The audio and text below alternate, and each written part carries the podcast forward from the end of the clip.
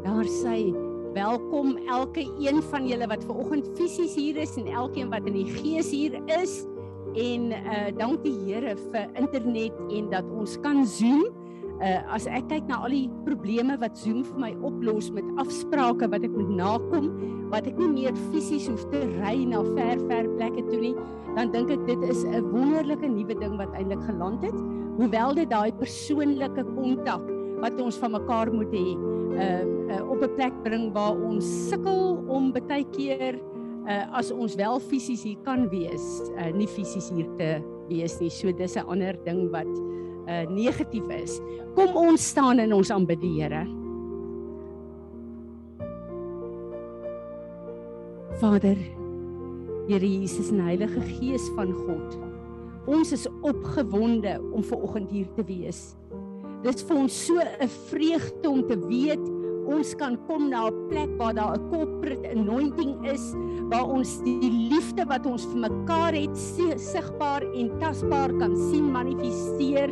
Dankie dat ons op 'n plek is as ons hier kom Vader om te weet ons is in 'n huis, ons hoort.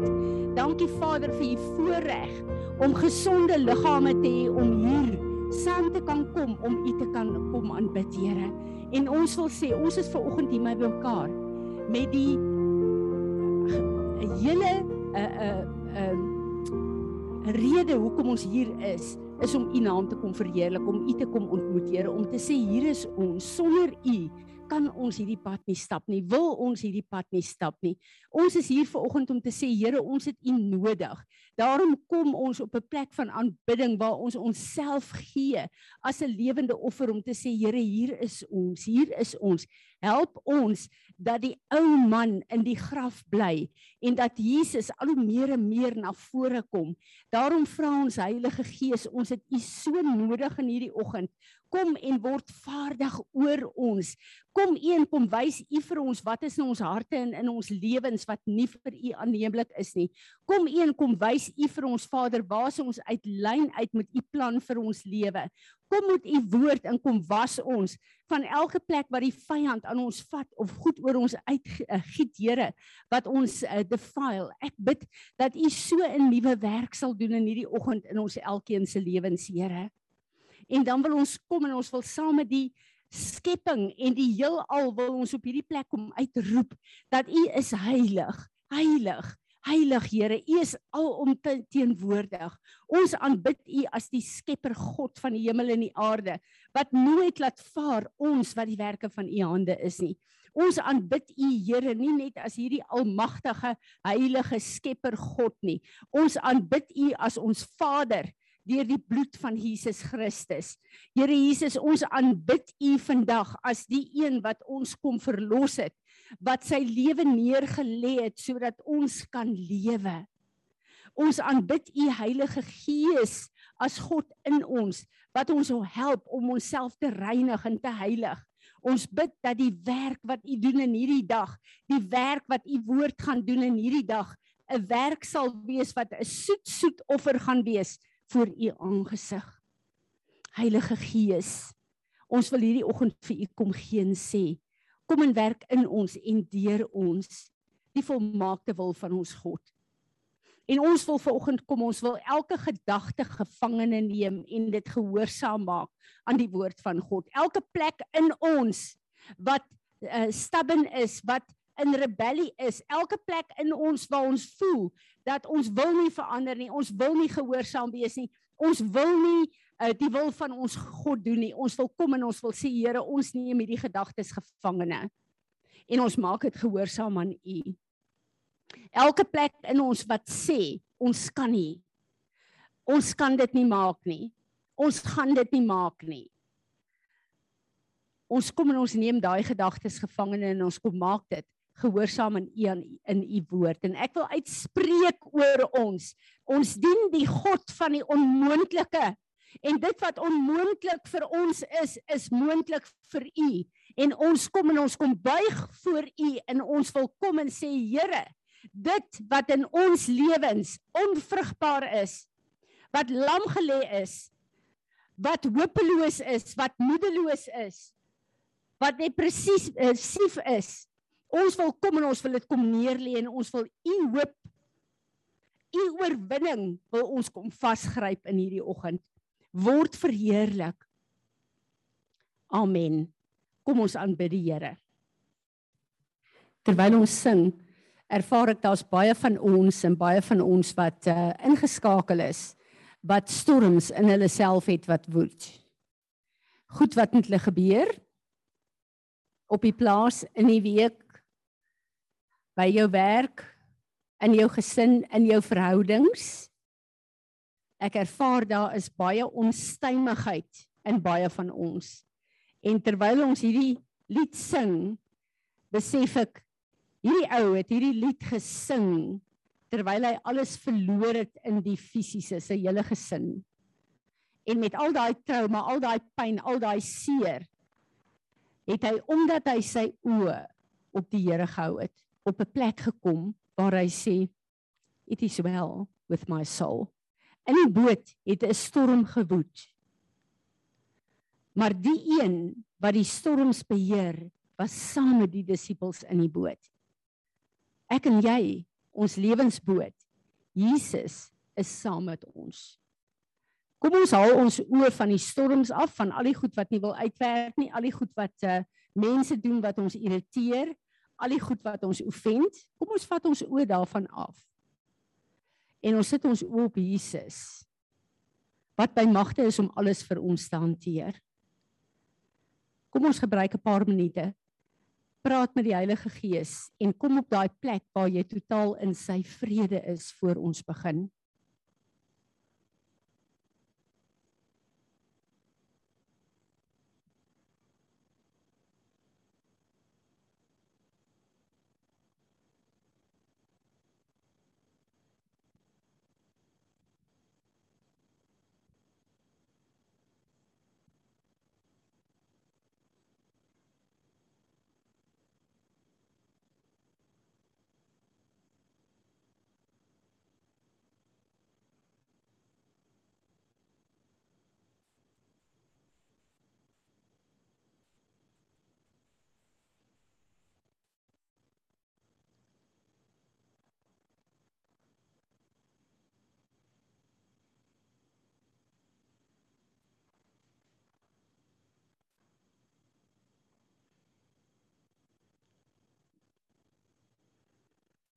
Amen. Enigeen van ons 'n woord of 'n visioen?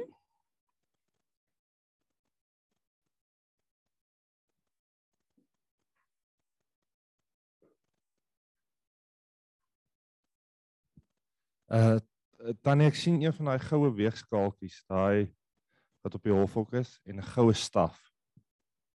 'n Goue staf. OK. Wonderlik. Daar's 'n weegskaal En dis een van die dinge wat ek hierdie week baie baie oor gebid het. Want ons sit almal dit wat verlede week in die Torah portion ook aangegaan het met Esau en Jakob. En daai karakter van die twee in ons wat die heeltyd beklei.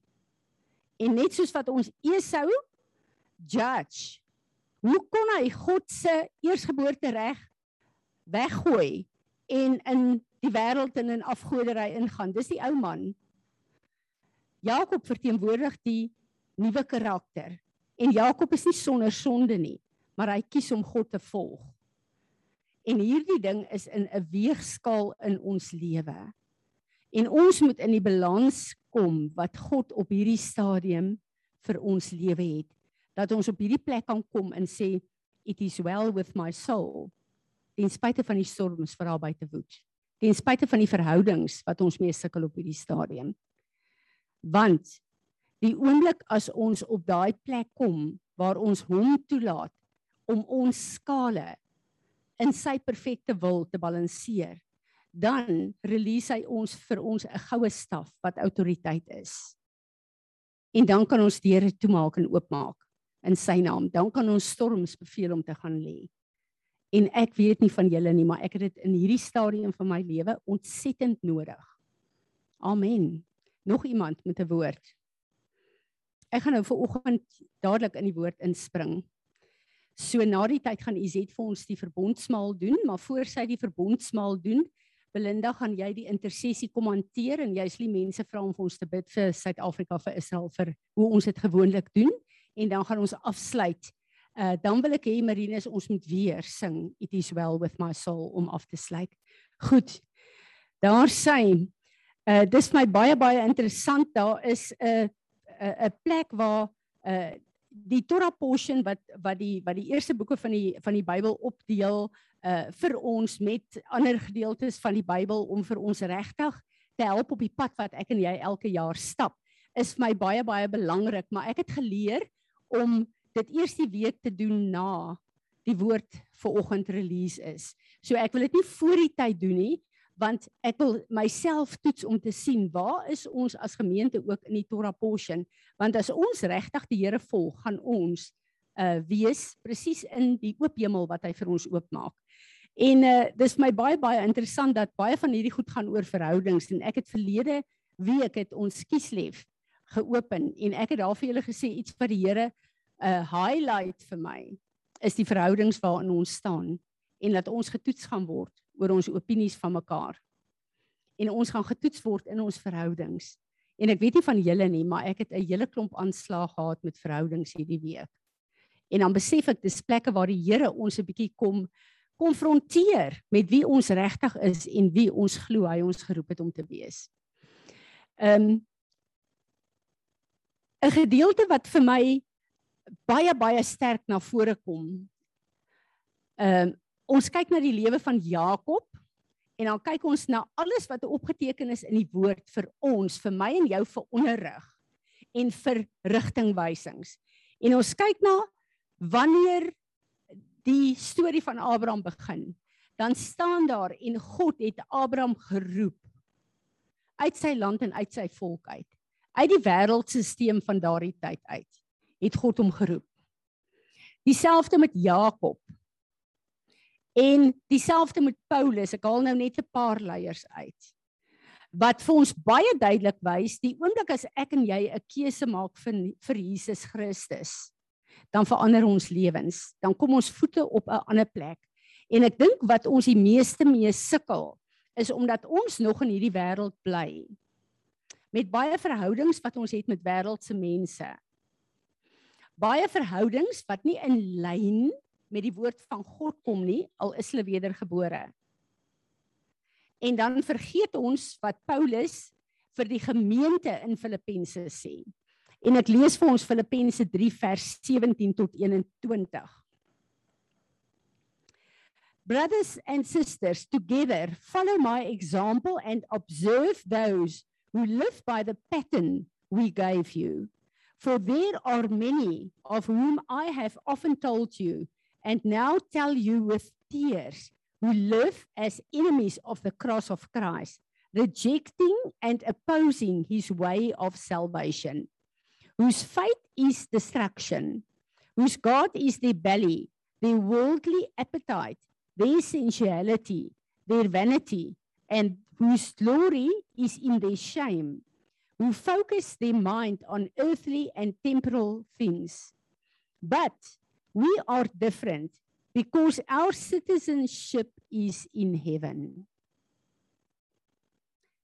And from there, we eagerly await the coming of the Savior, the Lord Jesus Christ, who by exerting that power which enables him even to subject everything to himself, will not only transform but be completely refashioned. our earthly bodies so that they will be like his glorious resurrected body. Hier kom die Here en hy kom sê vir ons deur Paulus, ek en jy is nie Suid-Afrikaners nie. Ek en jy is hemelinge, deel van die koninkryk van God wat op aarde as Suid-Afrikaners 'n pad moet loop in Suid-Afrika wat God deur ons 'n download wil doen, maar ons lewens wil gebruik as 'n voorbeeld vir baie mense wat in verhouding met ons staan. Dis wie ons is. En as ons kyk na Suid-Afrika en ons kyk na al die probleme van Suid-Afrika en al die korrupsie en al die diefstal en al die verkeerde goed wat hier is. En ons laat toe dat dit ons beïnvloed om op 'n ander manier in judgement en kritiek te staan waar ons nie hoort nie. Maar waar ons nie op 'n plek is waar ek en jy 'n gateway is vir die koninkryk van God om deur ons 'n werk te doen volgens God se perfekte wil nie. En dan kyk ons dat veral in 2021 dink ek het ons 'n plek bereik in die geskiedenis van die wêreld wat baie baie moeilik is. Maar wat ons vergeet is dat hierdie koninkryk aan wie ons behoort, se hele weermag is tot ons beskikking. Daar's niks wat teen ons kan kom wat ons kan oorweldig nie. En alles wat ek en jy nodig het in 'n demekaar aarde en 'n wêreldstelsel het God vir ons 'n oplossing gegee en 'n bekragtiging om volgens sy perfekte wil deur hierdie tyd op aarde te gaan. En vir my is dit 'n baie moeilike plek want ek besef hoeveel ehm um, konfrontasies het ons in hierdie plek. Meeste deur ons familie, deur ons vriende, deur die gemeenskap, deur die uh as ek nou vinnig ons taal kan praat. Jy is 'n kind van die Here, sit hier as deel van Peres waar God jou geroep het na huis om sekere goed na te jaag. Maar jy is deel as 'n boer van 'n studiegroep wat heeltemal anders as jy dink en anders as jy glo en jy word gekonfronteer met goed in hierdie wêreld waar ander mense beslis nie glo en dink soos jy nie. In jou spreekkamer het jy pasiënte wat wonderlik die Here dien, maar wat ook baie ver van die pad af is. Maar jy sit daar met die oortuigings en die kennis wat God vir jou gegee het en daar's 'n plek waar jy amper half magteloos voel. Want dis nie 'n plek wat die Here vir jou gee om te praat nie. Jy moet net 'n voorbeeld wees. So kan ek al die ander terreine van ons lewe uithaal wat ons almal kan verklaar ons is op 'n moeilike plek. Maar kom ons kyk 'n bietjie na Paulus. Ons wil baie keer die woord en dit vir die Here daar vir ons leer, so vergeestelik. Laat ons vergeet Paulus was 'n mens soos ek en jy. Paulus het die voorreg gehad om onder die beste universiteit te leer, die beste professors te leer in sy tyd. Dit was Paulus se lewe.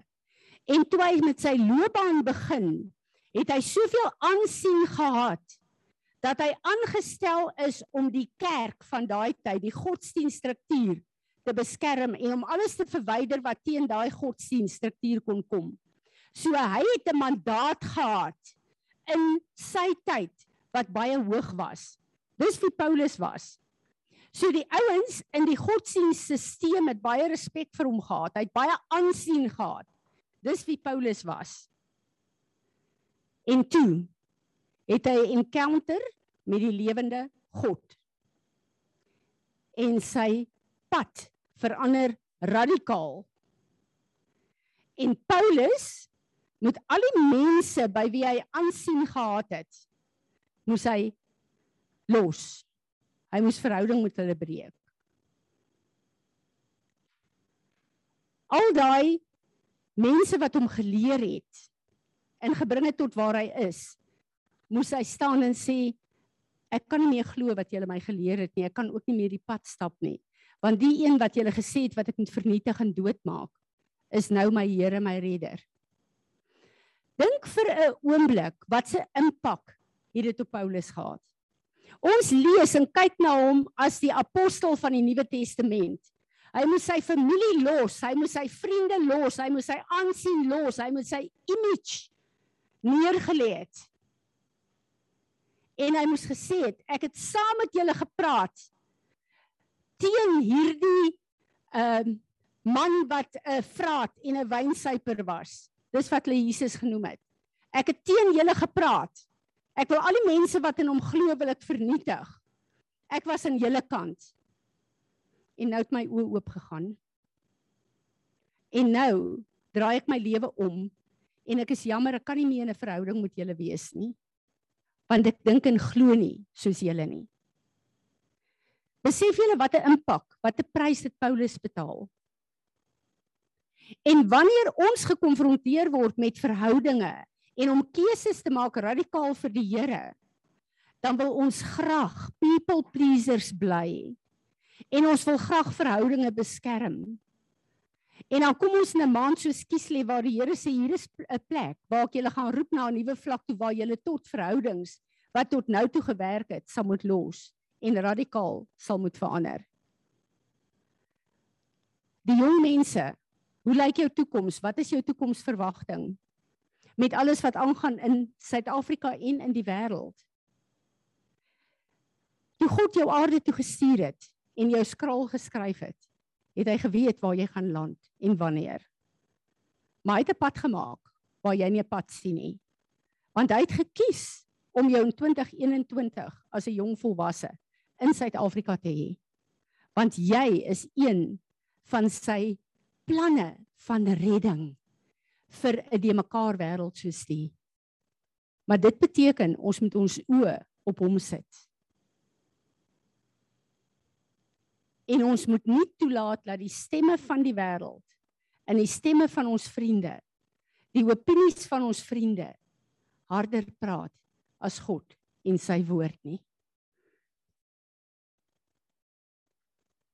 Ek wil nie hierdie gedeelte lees nie, ek is bang my tyd gaan uithardloop, maar Galasiërs 1 vers 6 en 7 en dan ook 15 en 16 en 23 kom Paulus en hy vertel sy hele storie hier. En hy sê die Christus wat hy ver, uh, uh, uh, wou vernietig het het ehm um, het hy aangeneem. Hy sê uh, am i now trying to win the favor and approval of men or of god or am I seeking to please someone? If I were still trying to be popular with men, I would not be a bond servant of Christ. But when God, who has chosen me and set me apart before I was born and called me through his grace, was pleased to reveal his Son in me, so that I might preach him among the Gentiles. He who used to be persecuted as is now preaching the good uh, gospel of faith which he once was trying to destroy. Paulus se ervaring met God het hom radikaal verander na waar hy die kerk wou vernietig. Dat waar hy 2/3 van die Nuwe Testamentiese kerk se woord geskryf het om ons te bemoedig en ons aan te moedig. Ek het laasnag 'n droom gehad wat vir my 'n groot ingryp was was in my lewe. Want baie keer sal die Here vir my 'n droom gee oor my persoonlike lewe maar dan sit 'n droom in 'n plek wat ek julle in moet lei want dis die plek waar almal eintlik is. En verlede week het ek gepraat en ook met die donderdag groep oor ehm um, ons kom op 'n plek waar ons ons passie vir die Here verloor Ons kom op 'n plek waar ons nie bond servants is om hom te dien met 'n passie uit liefde vir hom nie. Maar waar ons op 'n plek kom waar ons hom wil dien vanuit 'n werk en 'n plig. En dit bring ons op die plek van ek en jy is wat die Engelse noem believers. Ons glo in die Here. Ons ken die woord, ons het gegroei, Ons kan die woord quoteer, ons kan gesprekke hê oor die woord, ons kan uh, goed verduidelik uit die woord uit wat wonderlik is. Maar het ons dalk op 'n plek beland waar ons glo in hom en in sy woord, selfs tot 'n punt waar ons dit kan verkondig vir mense. Maar het ons nie geroep om verkondigers van sy woord te wees nie? Hy het ons geroep to be followers of him. Wat is 'n follower? Dis iemand wat in Jesus se voetstappe volg. Dis iemand wat praat soos Jesus, dink soos Jesus, doen soos Jesus elke dag van sy lewe. Dit help nie ons sê ons is believers en dit word gesien as ons net hier by mekaar kom nie. Die eerste mense is genoem the people of the way want hulle het 'n sekere wandel gehad, 'n sekere leefwyse gehad. En daarom kom die Here en sê, ek wil nie hê julle moet believers wees nie. Julle moet followers wees. Julle moet my disippels wees. Dit beteken mense wat lewe onder die dissipline van my woord, maar dan ander mense kan leer en trek om ook onder die dissipline van my woord te kom. 'n Disipel is iemand wat gedissiplineer is om 'n sekere ding te doen. En dan servants. Dien ons om omdat ons moet of het ons nog steeds daai passie van 'n bond servant wat sê ek sal enigiets doen wat hy my roep om te doen. En dan het ons hierdie hele ding van ek sal na die uithoeke van die aarde toe gaan, want dis wat die woord sê. Dis heeltemal goed en dit klink baie baie wonderlik. Maar as hy jou geroep het net vir Botha wil, net vir jou plaas, net vir jou werkers, net vir jou familie, net vir jou gemeenskap, net vir Viljoenskroon, Wesselsbron, al die plekke wat ons verteenwoordig, het ons dan nog so passie om hom te verkondig? Of raak ons gemaklik in wat ons geroep is om te doen? In dit wat ons dink ons moet doen in ons eie families. Paulus kom en hy skryf 'n brief aan die Galasiërs en hy sê Who has bewitched you? Julle het begin in die krag van die Heilige Gees. Maar nou is julle op 'n plek waar julle net believers is en die wêreld se standaard het in julle ingesluip. En daar is nie meer onderskeid tussen julle en die wêreld nie. Wie het julle die Afrikaans is getoer dat julle nie kan sien waar julle is nie, maar dat julle dink julle is nog steeds op die regte plek. En ek weet dis 'n plek waar 'n klomp van ons is in sekere goed wat ons doen. En ek lees ver oggend Galasiërs 5 vers 19 en ek wil dit vir ons lees. But if you are guided and led by the Spirit, you are not subject to the law. Now that the practices of the sinful nature are clearly evident, they are sexual immorality, impurity. Ja, nee, wat okay, ons is daar oor daai storie. Daar's nie 'n ding waar Enigeen van ons nog ooit sal Peter met seksuele onreinheid nie. Daar is ons uit. Gaan ons verder.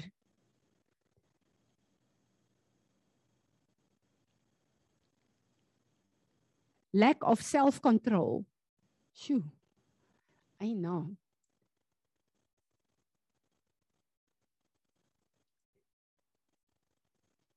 Idolatry. Nee, wat ons is daarmee daar nie behalwe my trots en my hoogmoed moet in wat ek bereik en miskien dalk wat ek besit, ehm um, is dit dalk 'n afgod? Want hoeveel tyd spandeer ek daaraan en hoeveel tyd spandeer ek aan die Here en die Here se praktyke? En dan besef ek ek het 'n probleem met idolatry. En ek moet dit in die oë kyk. En dan kyk ek na sorcery.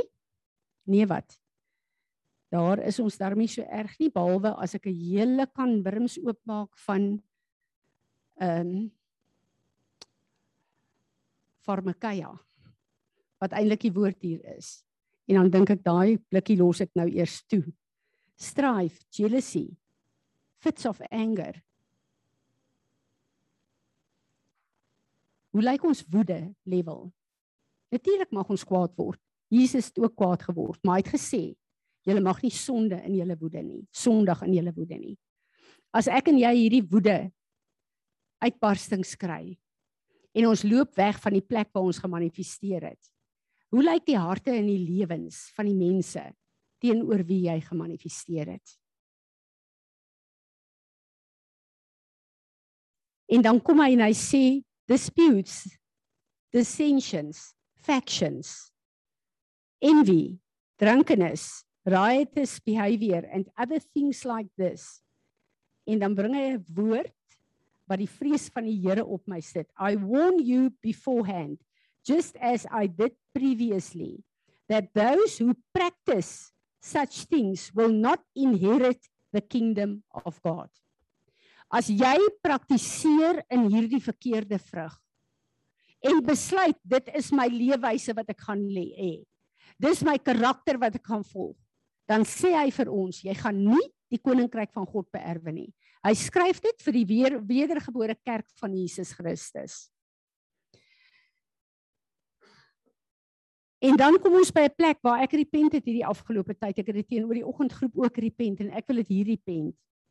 Ek is jammer vir elke plek waar ek 'n woord gebring het en gesê het sekere goed is oukei okay in die vlees. Ons is almal op pad. Dis 'n leen uit die hel uit. Ek en jy het die volle prys van Jesus ontvang. Wat beteken die ou man, die ou natuur wat ons so graag wil tolerate en grace gee om te oorwin bring ons lewendig terug daai Esau natuur in ons lewe en ons maak verskonings hoekom kan dit nog in ons lewe wees waar Jesus duidelik sê die ou man gaan in die graf in die oomblik as jy deur daai doopwater gaan is jou ou natuur in die graf in en die potensiaal vir die volle natuur van Christus word in jou ontsluit daai plekke waar ons sê toe maar jy moet nog groei in maturity. Natuurlik groei ons in maturity in sekere plekke, maar ons het op 'n plek gekom waar ons sonde en verkeerde optrede en karaktertrekke tolereer in ons lewe. En ons kyk na mekaar en dink ons ag nee wat uh, ek sien Izet sukkel ook hier meer is oukei. Okay. Uh ek gaan ek gaan vir ons albei bid. Ons moet dit oorwin, maar is okay, sy sukkel ook nog daarmee. Wat se leen het daar ingesypel in die kerk van Jesus Christus. As hy sê hy het gesterf en die volle prys betaal, dan beteken dit die eerste Adam wat nie sonde gehad het nie, wat nie die gees van God nodig gehad het in hom nie want hy was so in deel van hulle gewees dat hy gewandel het met God. Na die sondeval het ek en jy gekom Jesus het die tweede Adam geword om my en jou terug te kry in die plek van die eerste Adam wat sonder sonde was.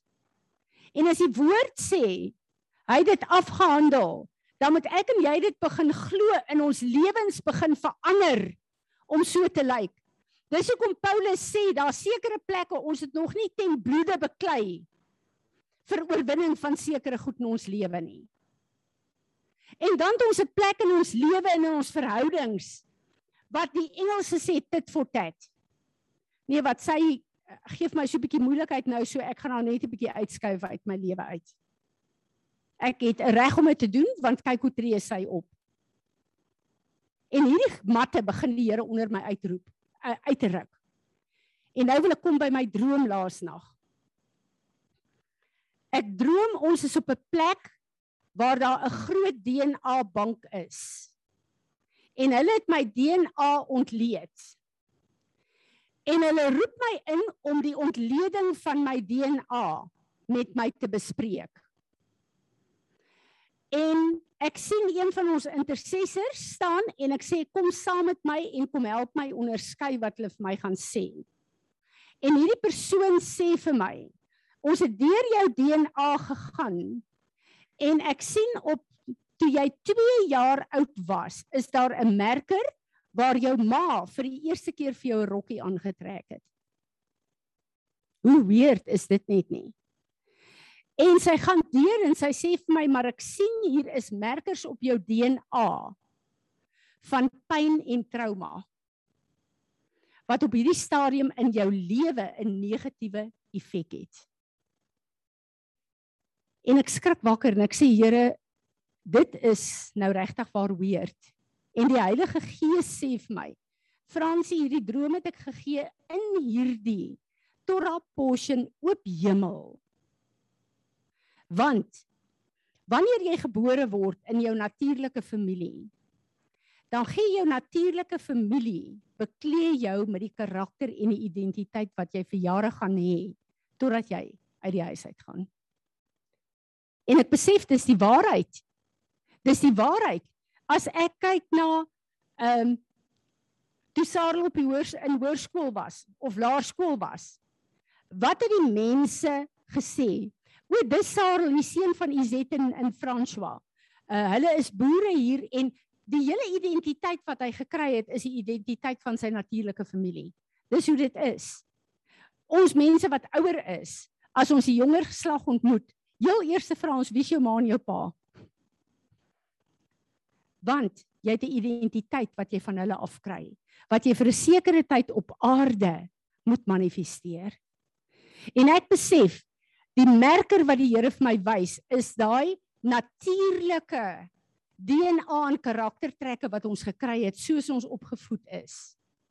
Maar jy kom op 'n plek waar die Here jou uit dit uitroep en waar jou DNA moet verander en waar dit waarmee jy bekleë is en selfs waarmee jy opgevoed is neergelê moet word en jy moet 'n kleed kry van righteousness. Want dit is Jesus wat my identiteit nou vir die wêreld moet wys, nie meer my natuurlike DNA nie. En dis waarmee ek die meeste sukkel, my natuurlike karakter teenoor die karakter van Jesus wat ek behoort te hê. En ek besef, ek sit uh, uh die afgelope uh uh paar weke wat die Here met my praat oor 'n sekere ding in my lewe waar as iemand daai knoppie druk, dan sukkel ek met my identiteit. En dis verkeerde optrede van iemand anders. En ek het lank my vasgestaar teen die verkeerde optrede. En die Heilige Gees sê vir my nee Fransie, dis die negativiteit en verwerping in jou lewe. Jy het nie toegelaat dat ek jou karakter en jou waarde vir jou bepaal en vasmaak nie. So daai ou man wat nog verwerping en pyn op jou DNA het, jy laat toe dat daai oop deur bly in jou DNA en dit beïnvloed die roeping wat ek op jou lewe het as 'n leier vir vorentoe. En ek besef ons sit met Jakob wat sy ouer huis moet verlaat as gevolg van nonsens wat hy aangevang het. Maar God het dit toegelaat om hom weg te kry van daai identiteit waar hy glo ek soos ek hom sien mammies boy was en waar sy ma al die dinge vir hom gedoen het wat nodig is en sy lewe vir hom baie maklik gemaak het. Sy fights vir hom gefight het met sy pa wat hy op daai gemaklike plek was. En ek besef die enigste manier wat hy daar kon uitkom is as hy droog gemaak het soos wat hy droog gemaak het. En Esau hom wil doodmaak. Hy moet vlug vir sy lewe. Hy moet daar uitgaan. En Jakob moet letterlik alles wat hy geken het, al die waarde wat hy gehad het, moes hy neerlê. En toe hy dit doen, toe hy sy oë wegvat van die storm en die moeilikheid en die goed wat hy gekry het. Toe hy dit doen, toe kry hy 'n encounter met die enigste lewende God en hy het die keuse om te kies of hy Jakob gaan bly en of hy Israel gaan word. En God gryp in. En dieselfde belofte van sy pa en sy oupa kry hy en sê ek is die Here jou God. En Jakob vat daai verbond vas en hy verander sy identiteit. En raai net soos Paulus het hy toe nie 'n lewe van maanskyn en rose gehad nie.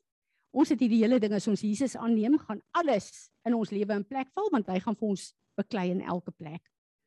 En dan kom ons met 'n skok tot die werklikheid. Jou lewe is redeem. Jy het al die beloftes gekry wat God vir jou gegee het. Dis ja en amen. God het dit afgehandel. Maar daar's 'n tydfaktor en 'n faktor van jou eie keuse. Ek dink dit was verlede week se Torah portion wat daar staan ehm um, Rebekka wat wat 'n uh, eh, uh, eh, onvrugbaar was en sy het vir God gebid en gevra sy wil kinders hê. En die woord sê God het geluister. God het onmiddellik haar gebed verhoor, maar haar seun is eers 20 jaar later gebore. En dit is die ding wat ek en jy die meeste mee sukkel op aarde. Toe Jakob by Laban geland het, hy het nou sy identiteit in sy eie ouerhuis verloor. Nou kom hy in die identiteit wat Laban vir hom gee. Laban beheer hom, Laban besteel hom, hy bedrieg hom. Uh, ek kan nie dink in die fisiese hoe daai prentjie moes gelyk het in die familie met sy sy swaars en sy skoonpa wat hom eintlik geminag het. En as ons kyk na daai hele stuk, dan besef ons net hoe moeilik dit vir Jakob moes gewees het. En toe Jakob op 'n plek kom waar hy opstaan en hy besef hy gaan dit nie langer toelaat nie, Hy gaan nie onder die identiteit van sy skoonpa bly nie. Hy gaan opstaan in die identiteit wat God hom geroep het as 'n man in sy eie huis en 'n voorsiener vir sy eie gesin. Die oomblik toe hy opstaan daar, toe kom God en hy verander Jakob se prentjie. En God gryp bonatuurlik in. Ons ken die storie. Maar God het vir Jakob gesê ek verlos jou nou. Maar vir 7 jaar was Laban se juk nog daar. Maar God het klaar ges al die voorsieninge is klaar daar. Die deurbrake is klaar daar. Maar vir 7 jaar het hy nog gesukkel met daai goed van ja, Laban. Maar God is 'n waarmaker van sy woord. En hy het vir Jakob die genade gegee om te oorleef in daai tyd terwyl hy Jakob se wealth gebou het om self te kon uitskuif. En ek besef baie keer sit ek en jy en ek het al so gebid oor hierdie ding van Laban. En baie keer sit ek en jy en ons staar ons vas. Die Here het dan gesê die deurbraak is daar. Hoekom sien ek dit nie? Die deurbraak is daar. Align met die Here en wag. Sy hand gaan beweeg. Bonatuurlik, want dis wat hy gedoen het met Jakob. En ons weet toe Jakob gekom op 'n plek waar hy geboorte gegee het aan 'n hele nasie, nie net aan 'n gesin nie. Maar hy moes teruggaan na die God wat hom geskaap het. Hy moes gaan besluit gaan Esau se karakter in sy lewe bly, daai tweeling, of gaan hy in God se volheid ingaan? Gaan hy op 'n plek kom waar hy geduld gaan hê met God se plan in sy lewe? Gaan hy God toelaat om daai karakter van die bedrieger uit hom uit te vat? En gaan hy God toelaat aan om van hom die man te maak wat God wil hy moet wees? vir die nasie wat God uit hom uit het laat kom het. God is 'n waarmaker van sy woord. Maar ek en jy het keuses om te doen. Gaan ons ons oë sit op God se plan vir ons lewe of gaan ons toelaat dat ander verlokkinge van die wêreld ons vriende se invloed ons verkeerde ambisies, ons verkeerde begeertes gaan ons toelaat dat dit harder met ons praat as God se perfekte plan. Wat in detail sal manifesteer want daar's niks en niemand wat God kan keer in jou lewe nie. Of bly ons op die plek waar ons dink goed werk nie nou uit nie. Wat moet ek doen om goed te verander dat dit kan uitwerk dat daar voorsiening is vir my gesin vir my kinders vir my nee align jy met God dien jy die Here en laat hom toe om die deure oop toe te maak volgens sy perfekte wil. Amen. Ek wil julle lei in 'n bloedlyn gebed want dis wat die Here my vanoggend ingelei het en gesê het dit wat ek ervaar is in julle lewe ook. En ek wil ons lei in 'n gebed dat die Here ons DNA in hierdie dag kom reset in sy perfekte wil vir ons lewe. Kom ons staan.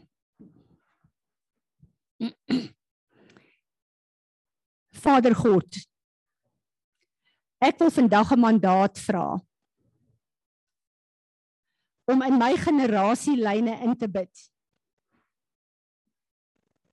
Daarom bring ek my pa se generasielyne voor U.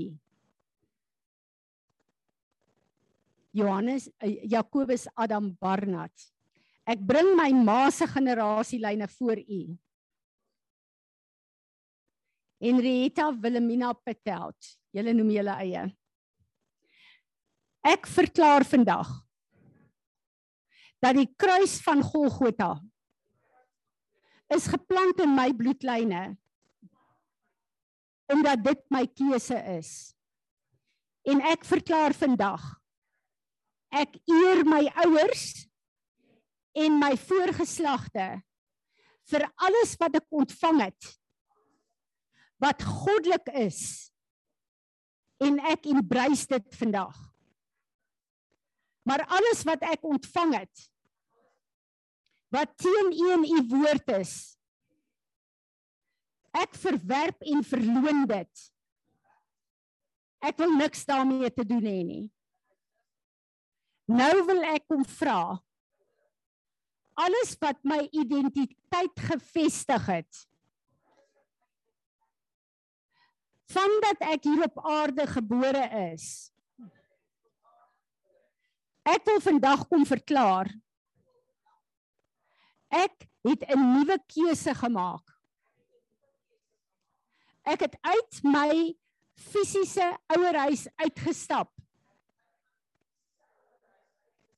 En ek het my aardse hemel, my hemelse Vader en sy huis aangeneem as my destiny. En nou wil ek vergifnis vra namens myself en elke ouer. Waar ons kinders gevorm het en toegerus het. In opinies en uh, waarhede. Wat hulle lewens beïnvloed het. Om vir hulle 'n 'n 'n persoonlikheid te gee. En 'n identiteit te gee wat teen u en u woord is.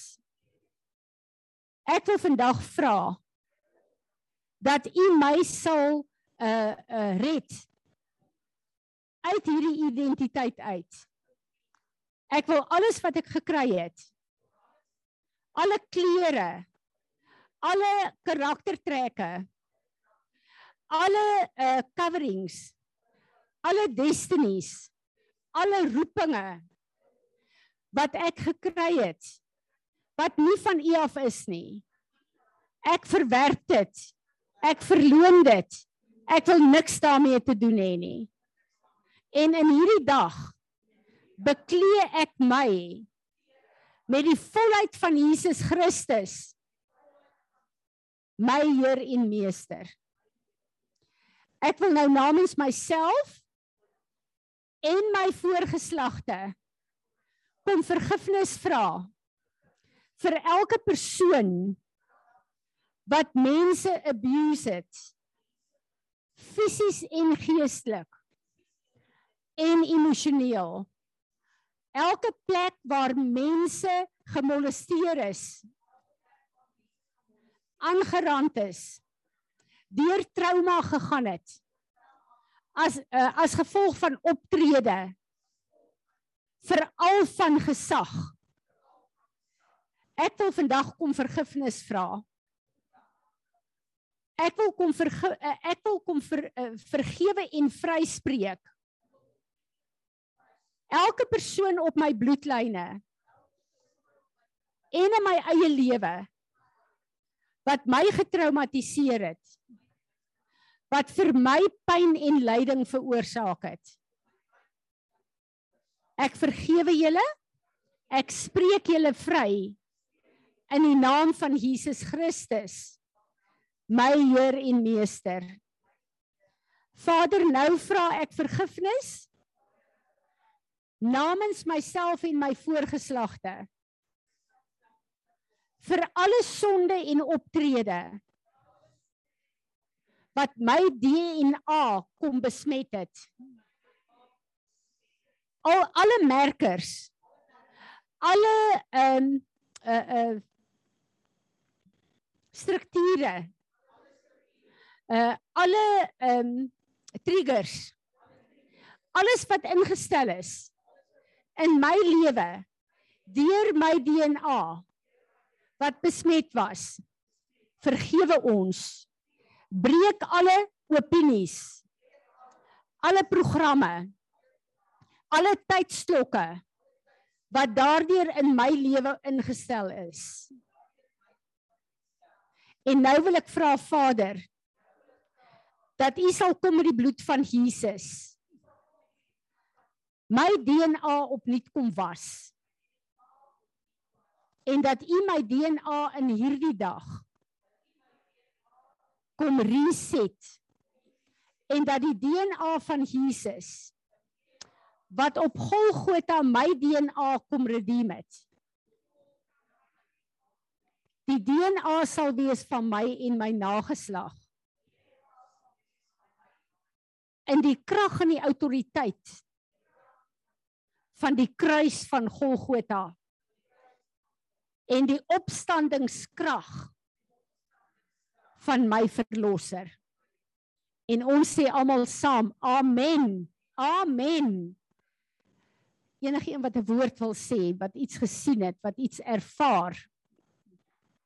Belinda?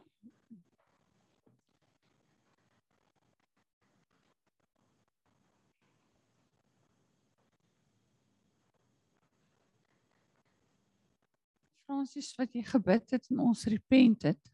Toe sien ek ehm um, al die daar's 'n hele lys van emosies wat ehm um, in mense vassit. En ehm um, daai goed, party goed sit soos in organe uh, organe vas. Party goed sit in die brein vas. Ja. Vader, ons kom ver oggend en ons bring onsself, gees, siel en liggaam volgens Romeine 12 vers 1 as 'n living sacrifice.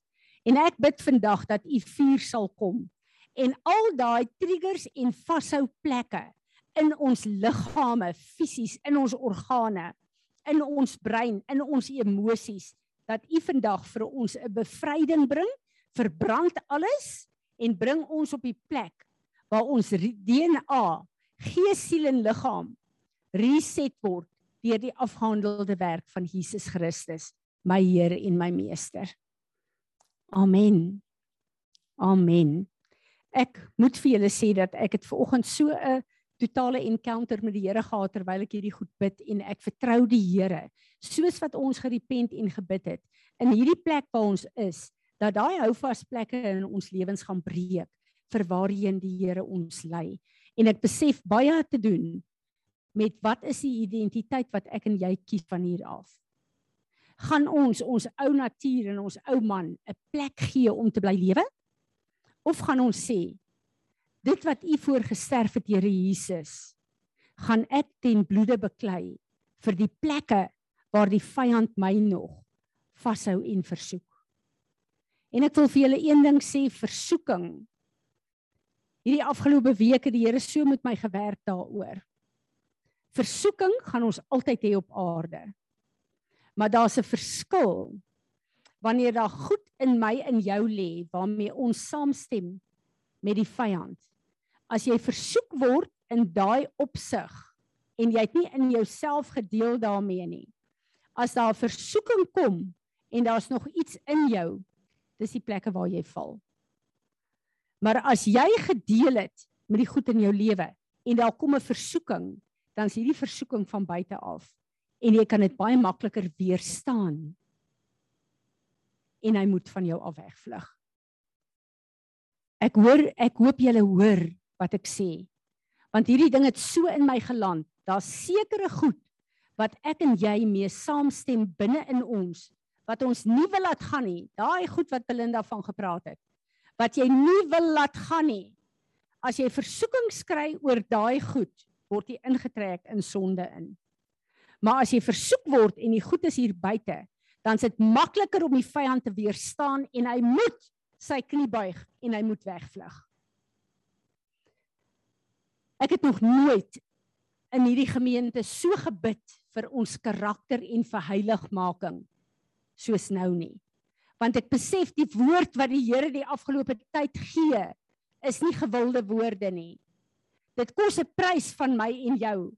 Dis nie 'n woord wat ek en jy kan uitstap en hierdie week instap en dink ek is lekker opgebou Sondag nie. Dis 'n woord wat vir ons verantwoordelikheid gee. Wat gaan ek en jy doen in ons wandel hierdie week met Jesus Christus wat in ons woon? Amen. Nog iemand met 'n woord? Goed Belinda, kom lei ons in intersessie en dan gaan 'n uh, ehm um, Izet vir ons afsluit met die verbondsmaal. Dankie.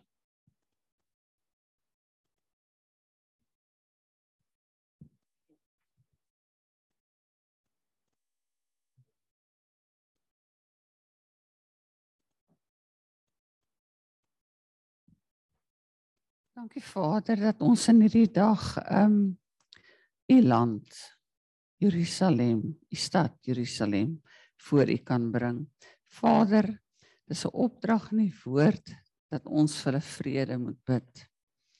En Here, ek bid vir elke een of hulle nou in Israel bly of in ander lande. Vader dat hulle 'n ontmoeting met U sal hê met met hulle Yeshua. Hulle Messias wat ook vir hulle gesterf het.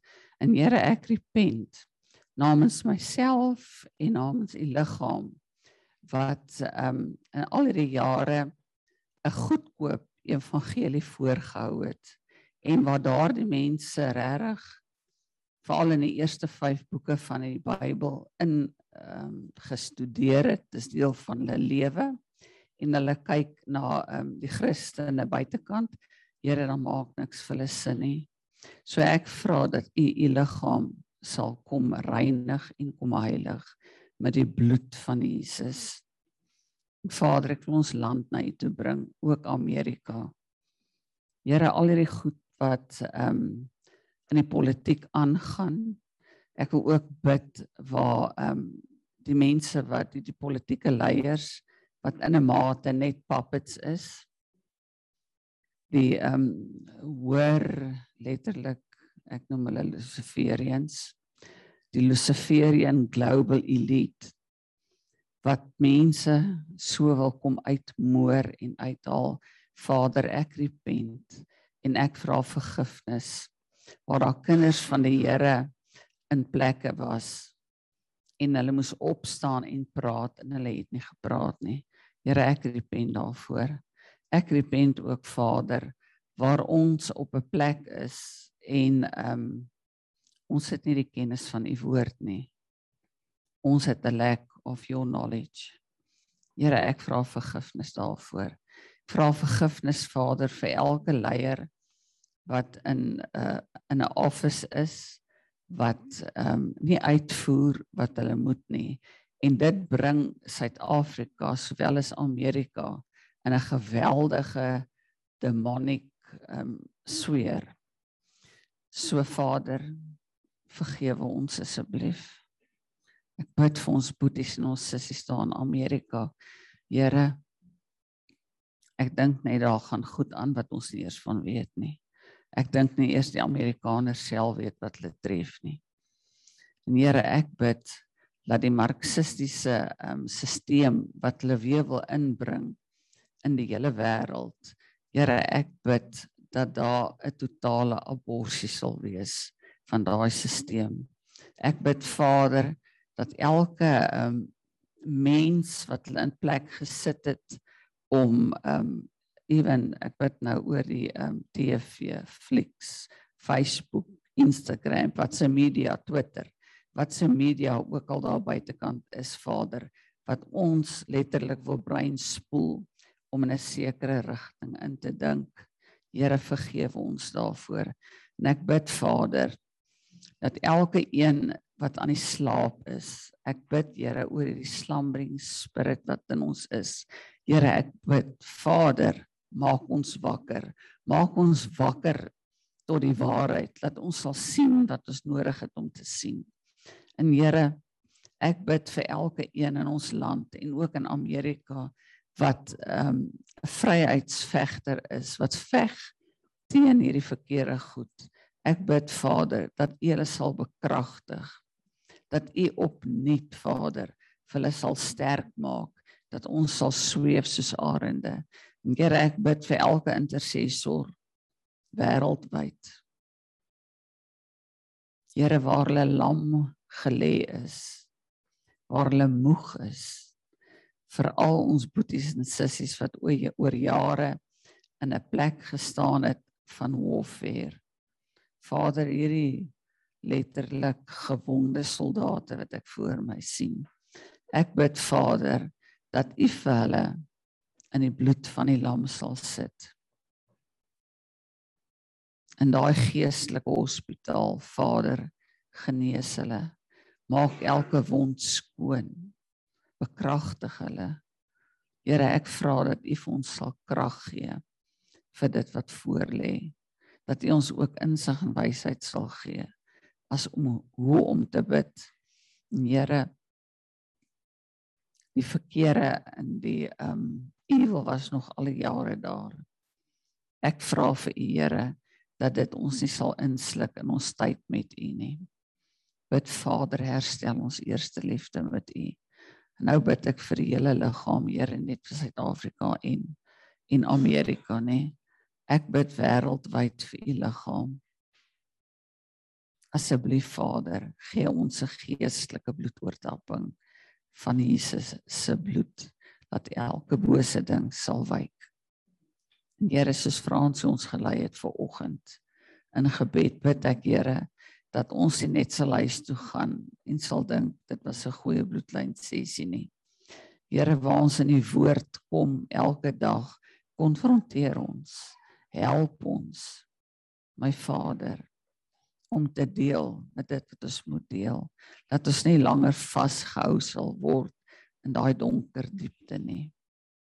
Here, ek kan nie alles anders as om te sê alle eer behoort aan die lam van God.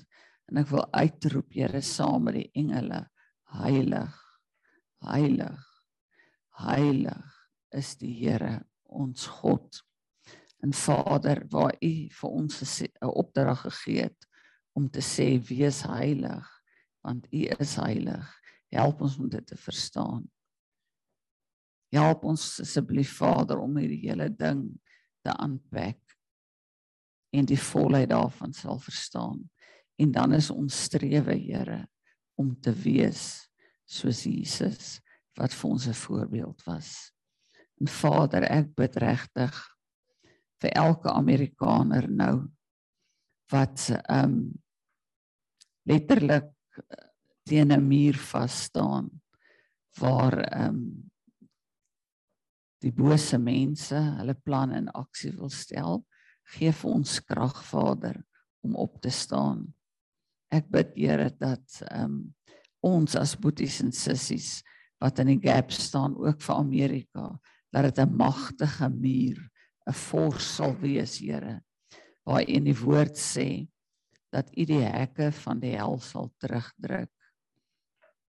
And hell shall not prevail, Vader, op U kerk, op U rots ek bid Vader dat U elkeen van ons sal ehm um, stewig maak en sal ehm um, vasmaak op die rots Jesus Christus ons verlosser.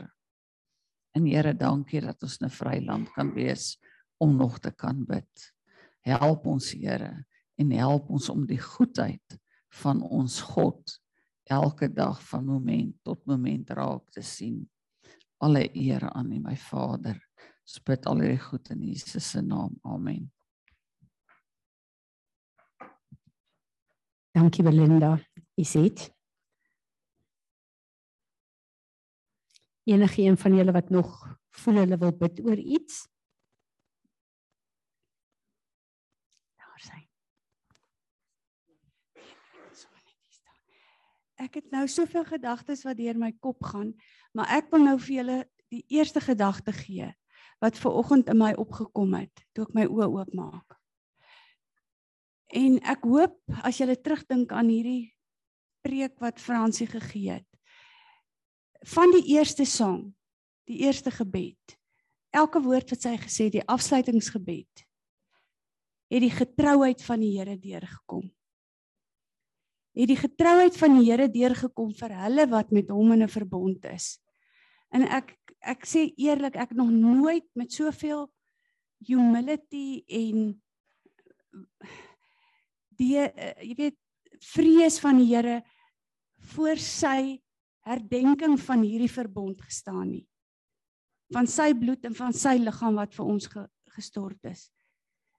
En ek uh, wil vir oggend na Fransie se boodskap nadat ek dit geluister het wat sy presies net vir my gepreek het het ek net hierdie boek opgetel en ek het ek het hom net saamgebring want dit het vir my gevoel ek wil dit net naby aan my hou. Dit het tot my gespreek en ek wil dit nou vir julle lees. Dan sal julle sien as julle met 'n oop oor en met 'n oop gees geluister het ver oggend, dan sal julle hoor hoe die Here vir sy kinders sorg, hulle wat met hom in 'n verbond is. Hy praat eintlik hier met Israel. Maar luister mooi. Psalm 102 vers 1 en 2 en 13 en 14. Hear my prayer, O Lord, and let my cry for help come to you. Do not hide your face from me in the day of my distress. Incline your ear to me in the day when I call. Answer me quickly. You will arise and have compassion on Zion, for it is time to be gracious to her, for the appointed time has come. Surely your servants find pleasure in her stones and feel pity for her dust. I bid, Lord God, we ask that the loud cry would rise up within us, that we would call out to you in a time of distress with confidence, knowing that you hear us and answer us quickly. Hear our prayer, O Lord. Thank you for listening to our cries for help. Listen to the cries of your people and give us your heart of compassion. Arise and have compassion on your people. Hear their prayers, O Lord. Be gracious to Israel, for the time has come. We pray that your servants would take great pleasure in Israel and have your heart of compassion for her condition. Give us your heart, Lord, and let the apple of your eye become the center of our vision. Psalm 22 vers 4 en 5. In you our fathers trusted. They trusted and you delivered them. To you they cried out and were delivered. In you they trusted and were not disappointed. God, we read in the Bible of your great faithfulness. When those who trusted in you cried out to you, you delivered each one. We ask, therefore, that the people of Israel would once again put their trust in you, the God of their fathers, Abraham, Isaac, and Jacob. In the midst of great difficulty, we ask that they would cry out to you. We cry, cry out to you, and that you would deliver, deliver us from all of our troubles. Reveal yourself to us. Show us again your great faithfulness, and that you are a God who does not disappoint. Dankie Vader vir die bloed. Dankie Vader vir u verbond. Dankie Vader vir die afgehandelde werk. Dankie dat ons dit nou kan herdenk. En ons roep uit na u o God, wees ons genadig. Dankie dat ons u kan vertrou. Dankie vir elke antwoord wat u vanoggend vir ons gegee het. Maak net ons gees oop, Here. Maak ons ore oop. Maak ons oë oop. Vat die gordyn weg, Here. Dankie vir die oop hemel. Ons wil in u voetspore volg. In Jesus naam. Amen.